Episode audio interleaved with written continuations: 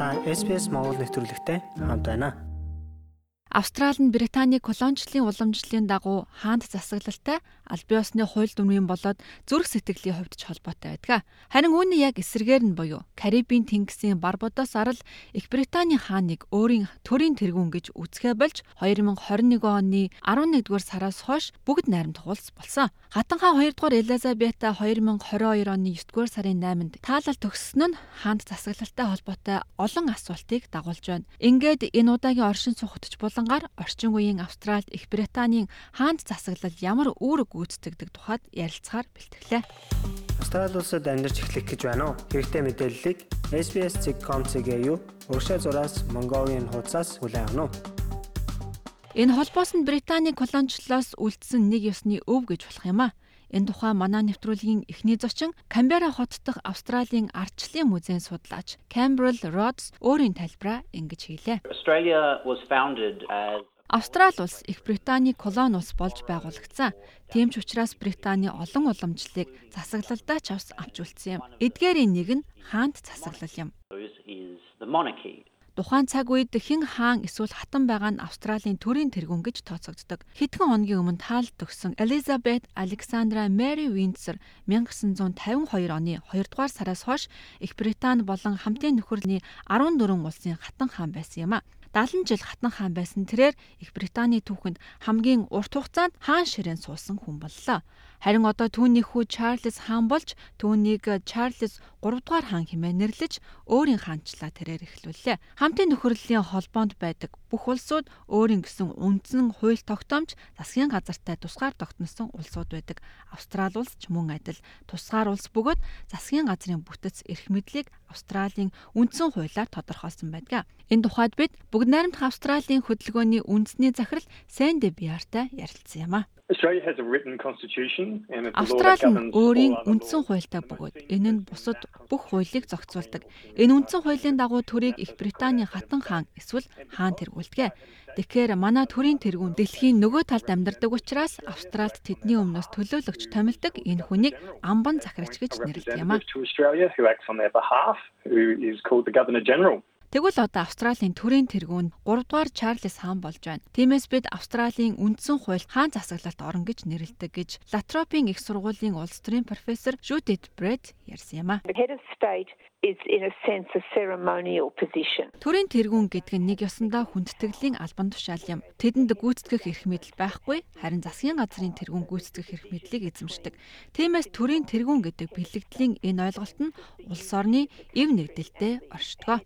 the government which is open to competition. Хааныг Австралид Камберад суух амбан захирагч төлөөлөх бөгөөд муж улсуудын нийслүүлүүд мөн амбан захирагчид ажилдаг. Хаан хатан Австралийн өдөр тутмын үйл ажиллагаанд шууд оролцдог. Тэд Австралийн нийгэм эдийн засаг засгийн газарт шууд нөлөө үзүүлэхэ болсон гэж Campbell Rhodes ярьсан юм а.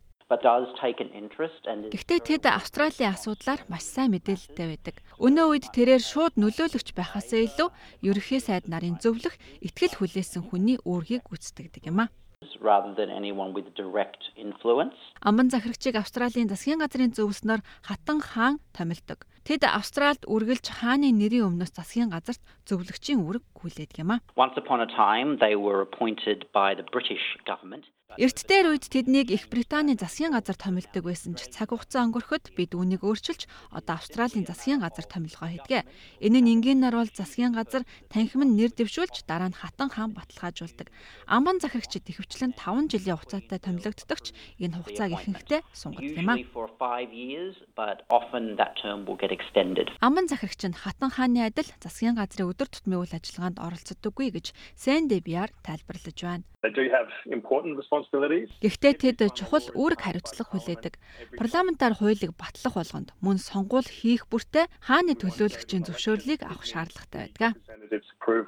Их Британий парламент 1996 онд Австралийн хууль гихчийг батлаж үүгээрээ Австралийн тусгаар улс гэдгийг аль биесээр хүлээн зөвшөөрсөн юм. Хатан хаан 2 дугаар Элизабетигийн үед Британий хэд хэдэн колони улс тусгаар тогтнохыг эрмэлзэж хаант засаглалтай харилцаагаа тасалсан. Хамгийн сүүлд гэхэд Барбадос улсын жишээг дурдж болох үгээд хамтын нөхөрлөлийн 15 улсын холбооноос гарсан юм. Одоо олон хүмүүс Австрали улс аль хэдийн бүгд найрамд улсын дүрс бие олсон гэж үздэг. Ийм зорилготой байгуулагч байгуулагдаж байдаг бөгөөд бүгд найрамдах Австралийн хөдөлгөөн хэмээн нэрлэдэг юм. Энэ байгууллагын гишүүн Санди Биар өөрчлөлтөд урайлж байна.